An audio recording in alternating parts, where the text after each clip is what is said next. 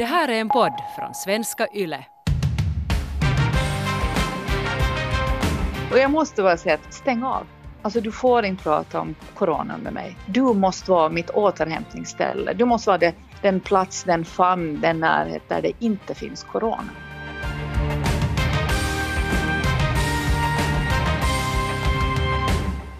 Hej och välkommen till relationspodden Norrena och Frans där det nu faktiskt gick så denna vecka att eh, Norrena fick förhinder så hon är hemma. Men podd ska det bli i alla fall för jag, Eva Frans alltså, jag har med mig en gäst på så här tryggt och säkert distansavstånd, nämligen psykoterapeuten Maria Sundblom Lindberg. Hej på dig!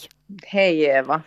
Det är lite så här, hör du, färskvara det här med mående har jag märkt att själv så kan jag må tippetoppen ena dagen och vara riktigt nere i en jämmerdal nästa dag. Så därför tycker jag att det är bra att man frågar intresserat varje dag av dem man har att göra med. Hur mår du idag? Idag eh, så, så mår jag ganska bra. Jag har haft jättemånga veckor med ganska dåligt mående men idag är det en bättre dag. Och, och det är också en bättre dag av den enkla anledningen att vi har delat upp så att jag har måndag och tisdag på mig hemmaansvar för trebarnsskola och min man har lite mer ansvar onsdag och torsdag och så delar vi fredagen. Så idag är jag då på jobb, sitter alldeles ensam. Så det, det är ganska enkelt att må bra. Det där är säkert jättesmart för då betyder det att ni båda ändå får, får någonting gjort. Att ni inte båda går på sån här sparlåga och blir distraherade hela tiden. Ja, det, det, går ju inte att, att, för oss, för vi är ju företagare, så vi kan inte mm. gå på sparlåga, vi kan inte jobba 30 procent, utan vi måste kanske jobba liksom 130 nu snarare för att få det här att funka. Mm. Så det, det, är ganska stora liksom, intresse, intressekonflikter och mycket tid som ska delas, men det här är nu ett försök som vi har provat hittills, att vi delar upp dagarna så här. Och det jag tänkte att vi skulle diskutera här idag är ju bland annat just sånt här. Vad händer mm. med relationen när det är en sån här kris på gång som den vi nu har, har hållit på med här i, i några veckor och som inte verkar försvinna någonstans nu här på ett tag i alla fall. Men där Maria så, så sa du det att vi kanske måste ta upp den här krisen på lite olika plan för att få, få med allt väsentligt. Ja, jag tänker så här att, att då när vi diskuterade att, att vi skulle prata, du och jag och, och Hanna då, om, om det här, hur det här påverkar familjelivet och parrelationen och, och kanske framförallt oss själva så, så är det ju jättemånga olika kriser som pågår samtidigt. Och alla de här liksom går in i varandra och jag tycker att de första veckorna var ett sån här sått, en sån här, ett sån här rodd, ett, eh, när, när man inte kunde liksom avgöra liksom att är det jag som har jobbigt, är det familjen som har jobbigt, är det eller är det världsläge som gör att vi alla reagerar? Och jag tror faktiskt att det, det handlar om allt och det, det, är också kanske ett smart trix att göra att, att, att varje dag kanske strukturerat snacka om det. Mm. Eh, i skilda fack för att helt enkelt träda ut för att eh, vad var det som idag var tungt och vad var mindre tungt helt enkelt. För annars går allt det här in i varandra och påverkar och, det, och då är det ju jättesvårt att hitta smarta strategiska lösningar. Precis och då tycker jag också att det blir det där att jag menar, vi har alla varit med om jättemånga stora och små besvikelser den här våren. Och då blir det sådär att usch, det harmar mig nu jättemycket att vi inte kan göra det vi hade tänkt på påsken. Men hej, mm. jag ligger inte och dör i en respirator. Att liksom, de här perspektiven kolliderar. Men ändå tycker jag att man måste ju få vara lite ledsen för att det blir en annorlunda påsk. Ja, man får vara lite ledsen. Mm. Men man kanske inte ska vara mycket ledsen tänker jag, det är ju vi som har levt med en vanlig påsk jättelänge. Men i många delar av världen så har det inte varit vanlig påsk på jättelänge. Nej, och de exakt. har måste improvisera, de har blivit utan äggen och de kan inte elda sin brasa på sin sommarstuga eller åka på sin skidsemester. Så det här är ju också liksom otroligt bra empatiträning. Och, och, så tänker jag också ur det perspektivet att, att, det är ju faktiskt så att alla inte har program på påsken heller. Nej, det ger ju lite perspektiv i alla fall. Eller har sommarstuga. Mm. Ja, så att vi, det är på något sätt lite demokratiskt där att vi alla måste hålla oss hemma i vårt i vår lägenhet eller i vårt hus. Till exempel när man nu hänger lite grann på, på Instagram som jag gör ganska mycket för jag tycker att det, det är lite trevligare stämning på Instagram. Det blir ibland så väldigt dystert på Facebook. Men där ser man att det finns ingenting att vara avundsjuk just nu på. För jag menar Madonna tollar också omkring hemma hos sig och håller på att bli, bli flippad. Liksom det, här sitter vi nu allihopa i koja och slott verkligen. verkligen och jag tycker att det skapar en ganska liksom häftig gemenskap. Vet du också sådär att det här med vi och dem, det suddas ut, utan vi är liksom mycket närmare varandra på alla sätt. Jag, jag diggar det jätte, jättemycket. Ja. Fast, jag, fast jag också blir utan min påskbrasa, mina påskritualer. Ja, men, men det är men bra, för jag menar, det, det finns ett och annat fint som också kommer fram i det här. Men, men om ja. vi nu börjar med det här med att, att ta kriserna på, eller den här krisen, vad som sker på olika nivåer och börjar på en sån där, jag menar den, den största och massivaste allmänna nivån. Mm. Jag tänker att, att den största krisen det är ju att det här är en, en, en stor pandemi eh, som skördar liv. Och det är den stora krisen. Och det, den gör många otroligt sjuka över hela världen och, och, och vissa till och med dör. Eh, det är liksom en nivå mm. av, av det här. Och, och den sen i sin tur skapar liksom Eh, andra problem, till exempel då den här lagstadgade eller påtvingade eller rekommenderade eller självvalda isoleringen då för att hindra den här smittspridningen, det vill säga att alla måste hålla sig borta från sitt jobb eller borta från butiken eller borta från varandra, från, från ens vänner. Eh, och, och, det är också en kris. Det är ju en social och psykologisk kris. Och sen har vi den här, följden av det är ju också krisen på arbetsmarknaden. Som gör det liksom att, eh, att vissa firmor helt enkelt går, all, alla, alla, allt påverkas av det här. Men vissa till och med går i konka eller blir permitterade eller tappar sitt jobb. Så det är också en kris i krisen. Och sen så har vi då krisen i hemmen, alltså helt enkelt för att det är helt nya eh, banor, nya strukturer. Men vi har ju alltså fått också ett nytt uppdrag, vi som har familj. Och det är ju att vi måste undervisa våra barn hemma. Mm, precis. Och, och sen sist och slutligen då alltså, där allt det här landar ju liksom i, vår egen, i vårt eget mellangärde, i vårt eget bröst. Eh, så att det är också krisen i oss själva och den ångest som, som allt det här liksom påverkar. Men, men jag tänkte om, om vi skulle börja med den där katastrofen eller krisen i familjen. Ja, vi kan göra det. Mm. Och, och den, den, är ju, den är ju lite, jag vet inte, den är ju, på ett sätt är den, eh, ibland är den lite liksom löjlig, tycker jag. att man kan eh, bli extremt stressad för ganska små skitsaker. Men, men det finns ju också verkligt liksom reella hot med att barnen inte är i skolan. Och det är ju när, när föräldrarna inte har kapacitet eller ork för mm. att ta hand om sina barn helt enkelt. Men jag tycker liksom att, att den där krisen i familjen, den är liksom praktisk och emotionell. Vet du, det är en, praktisk kris. Hur ska vi lägga upp det här? I vårt fall tre skolbarn som ska hitta sin plats där hemma och man ska gå mellan dem. Eh, det ska vara frukost, det ska vara lunch, det ska vara mellanmål, det ska vara middag. Det är jättemycket matlagning och jättemycket disk. Mm. Och mellan allt det här så ska min, min arbetsdag pågå helt som vanligt. Och för mig som, som har liksom som, som faktiskt med åren har blivit ganska stresskänslig så är det här ganska utmanande. Så det går helt fine så länge alla samarbetar och gör sitt. Men om någon lägger sig på golvet och skriker eller eh, glömt sina lösenord eller inte får in den där appen i sin telefon så då är min liksom, ehm, det är mitt tålamod alltså helt löjligt litet. Och, och, då kommer vi till det här emotionella kaoset att det blir jättesvårt där sen att, att särskilja. För att då går jag från en sån här meltdown från en till en meltdown till en andra. Och sen ska jag också försöka hålla någon slags intellektuell skärpa eller vara emotionellt närvarande i det arbete jag gör. På sidan om, där i min soffa då, bredvid deras arbetsbord. Så det här är ganska kaotiskt. Mm. Och addar man också det här med liksom den där oron jag, jag, tycker nog när jag liksom kollar läget så där allmänt så tycker jag att den där oron har minskat den här veckan från förra veckan. Eh, man har accepterat det, man har hittat sitt sätt att hålla sig safe rent sådär medicinskt så att säga. Man, hygienen är liksom jättenoga, man har det här eh, säkerhetsavståndet till alla, man tänker på när man går i butiken, man har handskar på, vet, så här. Så den där oron tycker jag, den, den är mindre den här veckan. Men jag tycker man har hittat ganska, ganska mycket stor. redskap där. Att man är så att ja. jag tvättar händerna, jag har med lite handsprit i, i handväskan och, och på något sätt, det, ja. har, det, har, det är så konkret att införa nya rutiner på något sätt. Och, och, när de nu börjar sitta så känns det ju ändå ganska sådär, det känns ganska lugnt, ganska stabilt liksom. Ja. Det är ju annorlunda, det är otroligt mycket ensammare. Eh, och, och, det är ju på ett sätt svårt, men det är ju inte farligt.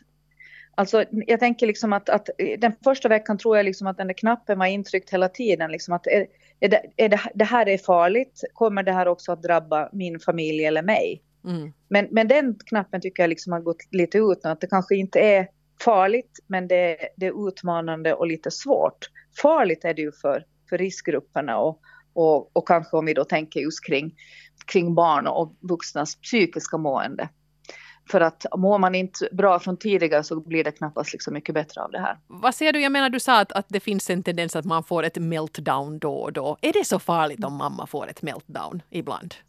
Jag tycker precis tvärtom att man är nästan förpliktigad att få lite meltdowns. För att eh, mm. om, om vi, alla som har barn vet ju också att, att att de får ju meltdowns liksom hela tiden. Vissa barn får varje dag och många gånger och andra får en gång i veckan. Och sen finns det sådana här violer som kanske får en gång per år. Mm. barn, barn är olika precis som vuxna. Men, men jag tänker alltid det här att, att visa känslor eh, eh inte är, eh, alltså är liksom en förutsättning också för en psykologisk mognad för barnen. Och, för att de också ska kunna identifiera sig och kanske också i bästa fall se att det inte är så farligt och att mamma och pappa kanske kan lösa det på något sätt. Inte i den stunden man blir arg eller förtvivlad men om en timme så kanske man kan förklara vad som hände och, och be om förlåtelse eller vet du, man går vidare helt enkelt. Mm. Jag tycker när, när, när barn har föräldrar som är ascoola som aldrig liksom får breakdowns på något plan så känner de ju sig ofta själva som aliens om mm. deras temperament inte är likadant. Att då är man ju alltid en loser i relation till sin morsa och farsa för att man skriker eller bråkar eller gråter så lätt. Och mamma och pappa aldrig gör det. Så man blir ju jätteensam i en sån familj helt enkelt. Precis. Eh, och det är skillnad på att vara okontrollerat meltdown, jag menar som pågår hur mycket som helst och att, att vi, vi pratar alltså om att man är emotionellt instabil. För att det är ju också jätteobehagligt för barn att leva med det. Men att få liksom här, sådana här små psyk, psykbryt för att någon lämnar våta handdukar på golvet eller aldrig tar undan sin tallrik. Så det tycker jag liksom bara hör till fostran kanske. Men eh, eh, det var en artikel som många började dela ganska friskt här eh, i veckan som jag tror faktiskt att du också hade delat på, på Facebook så jag, så jag vet att du har sett det. Men det var en artikel mm. där man lite skrev om det här med eh, att, att det som vi känner just nu är sorg. Och det var en sån här psykologisk artikel var man lite förklarade olika steg i en sorgeprocess. Och jag känner mig väldigt, väldigt träffad och också lite tröstad av det här. För att de hade några olika steg då som de skrev att man, man, man ofta kan uppleva när man håller på att bearbeta någonting svårt. Och det är ju då till exempel att man ja, förnekar allting. Det gjorde vi ju alla där i början. Inte mm. det där mm. corona. Det är nu något de har där i Kina. Inte kommer det någonsin hit. Att vi har det så bra. Vi, vi tvättar händerna hela tiden. Och sedan man kanske börjar lite förhandla att okej, okay, men om vi skjuter upp den här vår resa till Milano, att om vi tar den i september och så här. Och sen förstås att man blir arg, att nu är det nu höjden, att inget roligt blir ju av här, att nu är det ju fräckt och man kanske tycker lite synd om sig själv. Och sen att man kanske blir väldigt, väldigt ledsen. Det har säkert många varit. Och sen att man så småningom kanske landar i någon form av acceptans och börjar gilla läget. Mm. Och på något sätt tyckte jag det var skönt att läsa de här grejerna för att jag, jag kände igen hur jag själv har fungerat de senaste veckorna när jag läste den där listan. Och de mm. behöver inte komma i den här ordningen, det stod också i den där Nej. artikeln. Nej, och jag, jag, tänkte också just när jag hade den där spänningen i mellangärdet hela tiden, att jag vaknade på morgonen med en sån här, det var lite så här samma känsla faktiskt som när jag har varit med om dödsfall. Eller skilsmässa som jag också har upplevt. Att när man vaknar på morgonen så att är det sant liksom? Har det, här, har det här faktiskt hänt? Pågår det här nu? Jag vet också att jag hade den när Trump blev president. så, var, mm. så var det en sån här overklighetskänsla att är det sant eller är det här en mardröm som faktiskt pågår?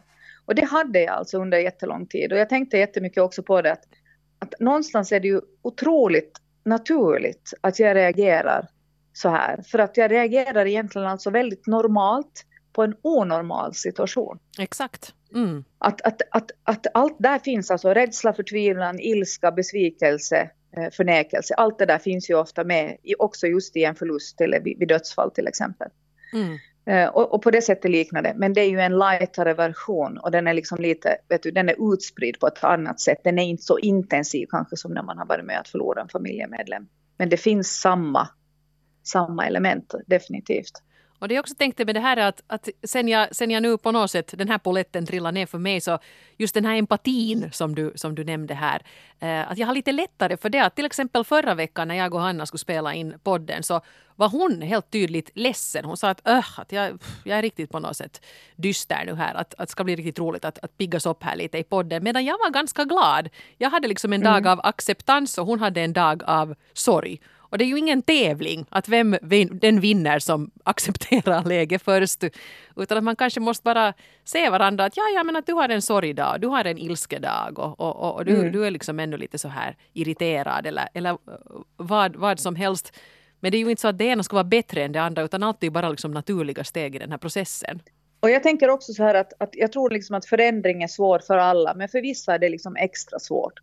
Och, och, och jag, om, om jag nu liksom helt liksom drar ur ärmen utan någon liksom vetenskaplig evidens utan bara betraktar min, min vänkrets eller människor som jag känner så är det ju liksom extra svårt för de här duktiga människorna. Alltså de här kontrollfreaksen och perfektionisterna. De har jobbigt nu för att de, de, de, allt är upp och ner. Ja. Och de kan inte förutse nästa vecka. De vet inte ens hur den här dagen ska sluta. Och att den här, det blir otydliga gränser mellan arbetsliv och hemmaliv och skolliv och allting. Det är ofta människor som är ganska välstrukturerade och har koll. Men, men det, det, det är ju det som ingen har nu, är ju koll. Nej. För man kan inte ha koll och det kanske inte ens är eftersträvansvärt. Och, och jag tänker också att, att vi har också olika stresstolerans. Det, det, kan man ju också se i familjen, alltså vissa barn tål ju stress bättre eller förändring bättre än andra, andra sämre. Men också i parrelationen. Och det här som, som du och Hanna hade då när ni poddade förra veckan, så det, det, det där tror jag att man kan ha, alltså mm, alla upplever, alltså i förhållande till sina vänner eller till sina föräldrar eller någon när man pratar i telefon. Att, att, att det är just sådär att idag är det för mig en sämre dag för att jag insåg då att till exempel att min månadslön har halverats med hälften på grund av det här. Men för dig är det en bättre dag för att solen skiner och du var på en lång promenad. Mm. Och att i parrelationer så kan man också se det där att en vaknar liksom, har, har lite bättre ork helt enkelt en dag och den andra liksom är däckad av, av olika skäl. Så att det är precis som du inledde liksom den här podden med att, att det är liksom dagsformen. Den, är, den, den får man faktiskt kalibrera in hos varandra varje dag en liten stund för att förstå varandra bättre helt enkelt. Och kanske jag tycker också att det, det, är ganska bra att säga rakt ut till dem man, man lever med att, att jag har en sån här dag idag så att de vet. Ja, och jag, jag, jag såg det hos oss också. Så blev det liksom så supertydligt. Jag lever liksom med människor som, som, eh, som får sådana här hyperfokus liksom anfall regelbundet. när han nördar ner sig alltså i, i någonting som, som, som han inte fattar, som han vill bara förstå. Sen läser han allt. Och, och det här börjar liksom redan då när under eh, sportlovet, alltså vecka åtta, att han börjar läsa nyheter hela tiden och han, han eh, han var uppe på nätterna och sån här blå, blått sken alltid när jag vaknade för då var han inne på någon sajt och läste hur var läget där och hur var läget här och hur var läget där. Och så gav han mig också då på natten sådana mellanrapporter, alltså hur många insjuknade, hur många testade, hur många döda. Och han liksom bombade mig med den här faktan för att det var ju det som pågick i hans huvud. Tills jag fattade att han däckar mig, alltså han däckar mig fullständigt. Vi, hade, vi pratade inte om någonting annat än hans eh, nyhetsrapporter. Och så fort vi satt oss alla vid bordet så berättade han också åt barnen om allt vad han hade läst om. och jag måste bara säga att stäng av. Alltså du får inte prata om coronan med mig. Nej. För jag kan inte hantera den här infon och jag måste hitta sådana här, du måste vara mitt återhämtningsställe. Du måste vara det, den plats, den famn, den närhet där det inte finns corona. Mm. Att, kan vi bara göra vanliga saker? Liksom, jag vill ligga i din famn, jag vill se att vi ser någon skitfilm. whatever. Men jag vill vara lugn. Men när jag var med honom så blev jag helt otroligt stressad. Men och han å sin sida lugna sig själv med fakta. Jag, jag, jag mm. känner, känner väldigt mycket igen det där mönstret och jag kanske hemma hos oss är mera den som, som är uppkopplad hela tiden och, och läser de här. Jag menar jag är ju journalist ja. så jag sitter ju och följer med det här hela tiden. Och, och jag mår ju inte själv bra av det. Att nu har jag försökt reglera det. Att, att man tar kanske en titt på morgonen och man tar en titt på, på kvällen. Uh, som jag sa, till exempel Facebook har jag ganska mycket håll, hållit mig borta ifrån för att uh, ja. det rubbar mig hela tiden. Emellanåt kan det kännas riktigt bra och vi kanske, vår hemskolning går, går riktigt fint och titta, jag, jag till och med bakar någonting till lunch och så känner jag mig jättebra och så kollar jag det här nyhetsflödet och så dras jag ner i avgrunden igen. Ja. Jag kör ju liksom också just den här, alltså jag, jag tycker absolut att jag läser tillräckligt och att jag inte är förnekande på något sätt och jag är också insatt i det här. Men jag vill inte leva det 24-7. Jag vill inte. För mig kändes det lite som att man drog bort liksom den där yttersta lagret av hud och skydd. Mm. Så alla andra liksom problem tyckte jag steg också upp ganska kraftigt. Jag kände mig helt skyddslös för att man kunde liksom inte distrahera sig med sin vardag för vardagen var lika skit som, som den inre verkligheten. Och det, det tror jag inte att jag är ensam om. Nej, precis. Jag tror att en, en liten nyhetsdetox skulle kunna göra många gott. Och eh, jag menar, vi blir inte av med den här krisen snabbare för att vi läser varenda en notis som publiceras mm. om den. Men eh, om vi skulle kunna gå tillbaka lite till det där som du nämnde, att det är de här människorna med kontrollbehov som, som det här har svårast att anpassa sig till det här. Hade en kompis som berättade att hon och hennes man, som, som inte nu brukar ofta gräla om hur städigt det är hemma, så de hade nu brakat ihop. för för hon tog det liksom med ens väldigt, väldigt hårt att de hade det stökigt hemma. För att nu ska de ju alla arbeta och gå i skolan där hemma och hon ville ha ordning. Medan hennes man tyckte att, men att är det här nu inte om någonting en legitim orsak att låta det vara lite råddigt för att vi är alla här hemma och det kommer inte att gå att ha det tipptopp. Och det här hade sen blivit liksom ett, ett tjafs och jag kan ju liksom förstå dem båda i den här situationen. No, definitivt. Men jag tänker också sådär att hos mig är det i alla fall så att ju, ju större liksom inre kaos och ångest jag har desto större behov har jag att det är städigt. Mm. Det här korrelerar ju ganska bra. Det vill säga att kanske också för henne är den här yttre ordningen lugnad liksom det här inre kaoset. Så att det är hennes liksom strategi för att klara sig. Att det är någon slags, alltså hemma har hon åtminstone liksom kontroll över när hon inte har över något annat. Medan hennes man då tänker precis tvärtom, att det här är ett undantagstillstånd på alla plan. Mm. Och, och, då kan vi inte följa det här med en ren diskbänk och att, att det inte finns tvätt i, i tvättkorgen. Liksom. Utan nu, nu, nu är det så otroligt krävande på så många att det här måste vara on hold. Alltså hushållsarbete måste vara on hold. Barnen får käk men, men när det städas undan kanske inte måste vara efter varje måltid utan kanske en gång per dag så röjer man upp köket. Och, och, så kan man ju tänka då att smarta människor, hur, hur jobbigt kan det vara det här? Att få ihop det. Människor som har levt ihop länge. Och, och, och, det är ju faktiskt bara så att man måste bara komma överens om en hybridlösning, alltså en kompromiss. Mm.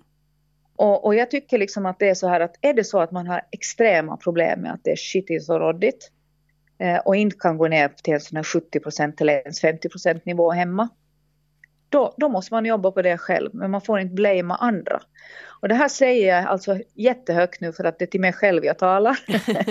att, att, att är det så att jag vill ha den där tipptopp diskbänken så, så är det jag som får ordna det, men då får det inte vara heller att jag liksom anklagar de andra eller sur eller martyr för det. Så det, det, är ett sådant här konkret råd. Men, men framförallt hitta, hitta en lösning. Hur ofta ska ska, disk, ska diskmaskin tömmas till exempel per dag nu när vi alla är hemma och det produceras helt otroligt mycket disk. Jag tycker till exempel det blev ganska bra för jag sa i något skede till, till mina barn som nu sitter i sina, de har, de har egna rum vilket är ju jättelyxigt nu, de kan liksom sitta och göra sina skoluppgifter i lugn och ro men jag sa att, att skrivbordet städas sen varje kväll förrän ni går och lägger er för att ni kan liksom inte börja klättra upp över jättehögar av, av pussel och pyssel och sånt där när ni ska inleda mm. er skoldag. Och de har faktiskt liksom de, de, de har hållit fast vid det här. De är inte förskräckligt organiserade annars, men de, de har varit superduktiga med det här för att det var en så tydlig grej. Men sen tycker jag till exempel inte att det är hela världen om det ligger en massa bråte på golvet. Bara de håller bordet mm. städat. Mm. så det blev mm. kanske en lösning för, för oss. Och jag är helt tvärtom, att bara golvet städat. så borde vara råddigt. så vi är alla olika. Ja. Men det är ju klart, och, och jag tror också att det är ganska viktigt att definiera det här att det här är ju inte semester. Nej. Att, det trodde ju barnen att, först alltså. Det trodde barnen, men det trodde kanske också lite vuxna. Mm. Utan att, att det här är ett tillstånd och en plats vi aldrig har varit för tidigare. Så man måste kanske göra upp helt andra regler än vad man har på veckoslut och, och, och på semester eller under arbetsveckan. Utan det här är något helt annat. Och hur, hur, hur, hur gör vi hos oss under den här helt andra tiden? Mm. Ska vi ha en skola mellan 10 och 14 till exempel? Varje dag. Är det, är det en bra deal att alla håller, ingen stör den andra då om alla håller sig till sitt?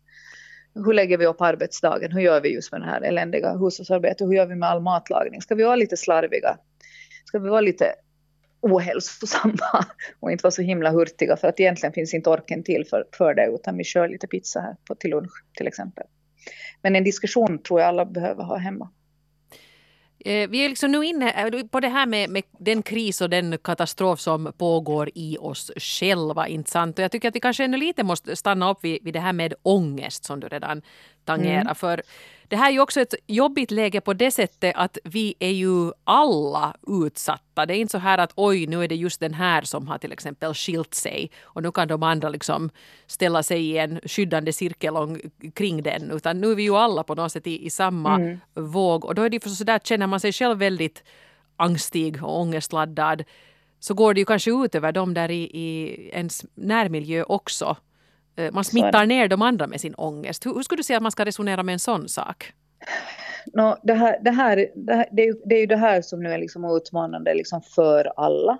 Men det är ju alltså särskilt utmanande om det redan från tidigare finns en eh, psykologisk eller psykiatrisk problematik, depression eller ångeststörningar eller, eller andra, andra liksom missbruk till mm. exempel. Hypokondri så, så blir ju det här, kan inte vara helt lätt heller just nu. Mm. Jo, men det är jätteintressant för att de människor som jag känner då, alltså klientbas som, som har kämpat med hypokondri, de har det inte nu alltså. Jaha. Jag tänkte helt samma, ja. Okay. Men, men, men jag fick förklaringen att nej, nej, att det här, det här, det här är kontrollerbart. Här kan jag göra någonting åt att få det eller inte. Just det kan jag det. inte med, can med cancer, förklarade en, en klient åt mig. För jag hade precis, jag tänkte att nu får jag kö av hypokondriker, men så var det inte. Vad intressant. Ja. Ja, och, det, och det kanske också nu att, mm. att nu är det, ja och sen är det, det, det, det är yttre hot, det är tydligt, det drabbar alla, det drabbar inte bara mig så att jag kan, behöver inte vara så liksom personligt på min vakt. Mm. Så att det mm. finns många mekanismer kring den hypokondrin som gör att det här ser lite annorlunda ut faktiskt, än vad jag, än vad jag också själv trodde. Men, men, men det här med att, att det är klart att det här gäller ju, var, var, var går gränsen mellan att dela vad man känner för att ens par partner och ens barn ska förstå en. Och när är det att liksom ge utlopp för vad man känner så mycket så att det blir en belastning. Exakt. Och i det här lever vi ju hela tiden och kanske nu då extra mycket. Och det gör ju också barnen och det gör också ens partner, vilket gör att det här kanske ibland liksom ackumulerar. Liksom om det är många stressade och hysteriska på 85 kvadrat så det är klart att det ökar ju sannolikheten för explosion och ännu mer ångest. Eh, jag har liksom inte ett smart svar på det, men, men däremot vet jag att, att, att det handlar liksom, man får ju egentligen inte låta ens illamående gå ut över andra. Men det är ju det som sker och det är också helt naturligt. Det är bara det att det kommer liksom en gräns när det är too much. Frågan är när den är. Mm. För den ser ju liksom olika ut för alla. Men jag tror att vi alla måste jobba jättemycket på vårt alltså välmående. Vet du, vad gör mig lycklig? Jo, det är att springa eller det är att promenera. Det är att ligga med min hund i famnen. Det är att jag har mera tid för mina barn. Att jag, har, jag tycker att jag har haft min... Jag, har, jag tänkte på det igår att jag har liksom... Jag har säkert pussat dem ja, 200 gånger var per dag. Helt enkelt för att vi sitter två meter från varandra och de går förbi och man håller i varandra. Det är jättekiva. Och att man måste söka sig till det här. Vi har, vi har, vi har rempat bort ett, ett tv-rum där vi alla ryms i en jättestor soffa. Där har vi myst mer än vad vi någonsin har gjort förut. Eh, så att eh, vi måste hitta strategier och, och faktiskt sätta vad gör mig lycklig och vad gör mig glad. Och, och är du en social människa är det förstås det här mer utmanande men, men idag så är det, det, vi lever ju inte liksom 1850, vi har liksom glödlampor och vi har internet. Mm. Så att vi kan faktiskt vara i kontakt precis hur mycket vi vill, alltså kanske för mycket med människor som, som, som vi bryr oss om och, och är viktiga för oss. Så att vi blir liksom inte psykiskt isolerade fast vi är fysiskt isolerade. Finns det någonting bra du tror att vi kan få ut av den här situationen? Det är så mycket fokus Ibland, på det negativa men, men någonting bra kanske det. det. också kan bli. Många pratar om det här hållbara eh, klimatet. Mm. Eh, att, att man har redan liksom nu kunnat eh, göra mätningar som visar att jorden har reparerat sig fantastiskt på, på två månader bara för att kineserna slutade, eller stängde sina fabriker. Och jag tänker att det finns en stark korrelation också till hållbart familjeliv. Att vi har sluppit träningar, att vi har sluppit tidiga morgnar, att vi har sluppit hysteriskt veckoslutprogram som till största delen är mitt fel för att jag är så entusiastisk. Eh, det, har, eh, det har ökat vår livskvalitet otroligt mycket. Det har, det, vi, våra barn är alltså jätteharmoniska och mår bra. De klär inte på sig överhuvudtaget utan de slafsar omkring i några skitiga pyjamasar där hemma eller någon äcklig morgonrock. Men det, det går liksom förvånansvärt bra för att de inte har den här stressen. Och, och, jag tänkte ibland att den här coronan kanske är mitt fel. För att jag, jag tänkte redan i januari att hur ska jag klara mig till sommar? Att jag skulle, liksom, whatever, så att jag skulle slippa det här ekorrhjulet. Men jag kom liksom inte på något. Och, och nu slapp jag ju det. Ja, precis. Kalendern är tom. Kalendern är jättetom och, och, och det, det, är alltså, min puls har liksom på grund av det här gått ner alltså helt jättemycket. Mm. Så det, det, det, har kommit liksom någonting jättebra ur det och det är att vi, vi är helt enkelt mera tillsammans och får hänga mera och snacka mer och vara, ja. Jag tänker också med det här med, med en partner, att, att eh, jag kan få den där känslan ibland av att om vi nu har haft en dag när det egentligen har, har gått ganska bra, alla fick mat och, och ingen slog ihjäl någon annan och, och ja, skoluppgifterna gjordes någorlunda och jobbet sköttes så, så där, så tänkte jag att, att liksom klarar vi nu av det här så månne vi inte klarar av allt annat också som kommer att ske i livet. Att man får lite en sån där boost också, att vi är inte alls ett oävet team när det, när det krisar till sig. Så är det. Och, och det, det, är ju teamkänsla. Jag tycker att det är teamkänsla i familjen och sen är det också teamkänsla när man går ut. Mm. Sen finns det ju de här knasarna som, som skriker Turvavälj liksom, om man kommer tio minuter, tio, tio meter nära. Ja. Men det finns också jättemycket smile och förstående blickar och respekt och sådana här grejer. Det är en, det är en gemenskapskänsla som jag aldrig har upplevt förut. Det är Aldrig. sant. Varje gång jag går och köper take away mat så blir man ju en liten stund där och, och pratar. Man är liksom sådär ja. förskräckligt sällskapssjuk men det är ganska trevligt. Och när folk nu ja. önskar en en bra dag så känns det verkligen som att de menar det. Det är liksom inte bara ja. något man slänger ur sig för att det är dags att säga hej då.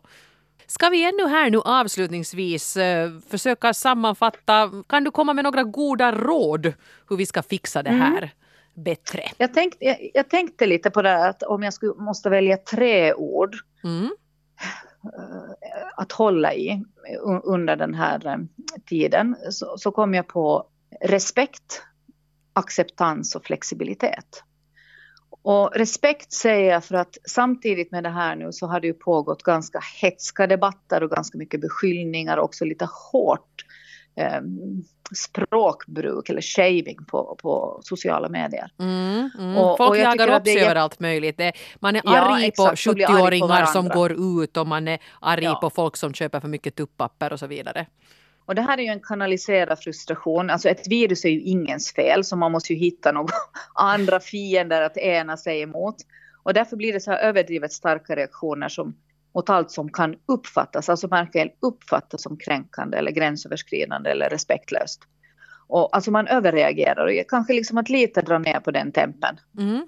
Det, i den här respekten. Mm. Och att folk är olika. För vissa är det jätteviktigt att man tvättar händerna jättemycket och för andra är det, är det viktigt att man håller avstånd och för någon annan är det något annat som är. Men lite kalibrera in varandra. Vad är respekt för dig? Bra. Och sen det här acceptera att livet inte blir som man tänkt sig. Och det här är nu också en liten sån här spaning.